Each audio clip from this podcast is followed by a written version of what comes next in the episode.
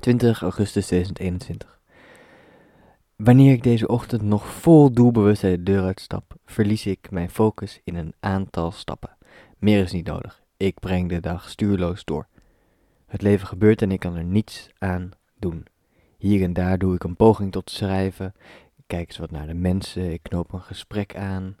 Het vervliegt. De wil om de hand naar de pen te zetten is ook ver te zoeken vandaag. Ik heb slecht geslapen. Dit gebeurt mij om het even, maar is op dagen als vandaag nog steeds vervelend. Ik zou bijvoorbeeld een aanvraag schrijven. Dit is niet gelukt en dat vind ik lastig, omdat ik mezelf gisteren juist heb wakker gehouden met allemaal enthousiaste ideeën die ik zou willen uitvoeren. Goed, het was kort dag, maar de poging was het waard geweest. Ik voel me dus een stuurloze massa. En toch is er maar één vonkje nodig om deze stuurloze massa in een gericht object te veranderen. Dat betekent niet dat ik niemand gezien heb. De hele dag zie ik bekende mensen, bij toeval. Maar het toeval kan ook een goede reisgids zijn.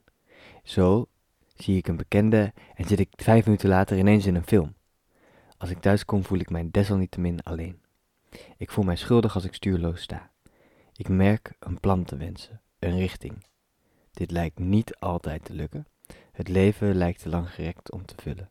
De dingen een aaneenschakeling aan gebeurtenissen, alle even belangrijk en alle even onbenullig. Aan het eind van de dag, als alles mij door de vingers is geklipt, kijk ik vanuit mijn raam naar beneden. Mensen in auto's snellen voorbij, anderen lopen rustig, stelletjes wandelen of ruzieën. Ik vraag mij af, hoeveel van deze mensen zullen sturing kennen, een plan hebben, of zich compleet verloren voelen, verdwaald zijn als schapen die een herder nodig hebben, die niet komt opdagen?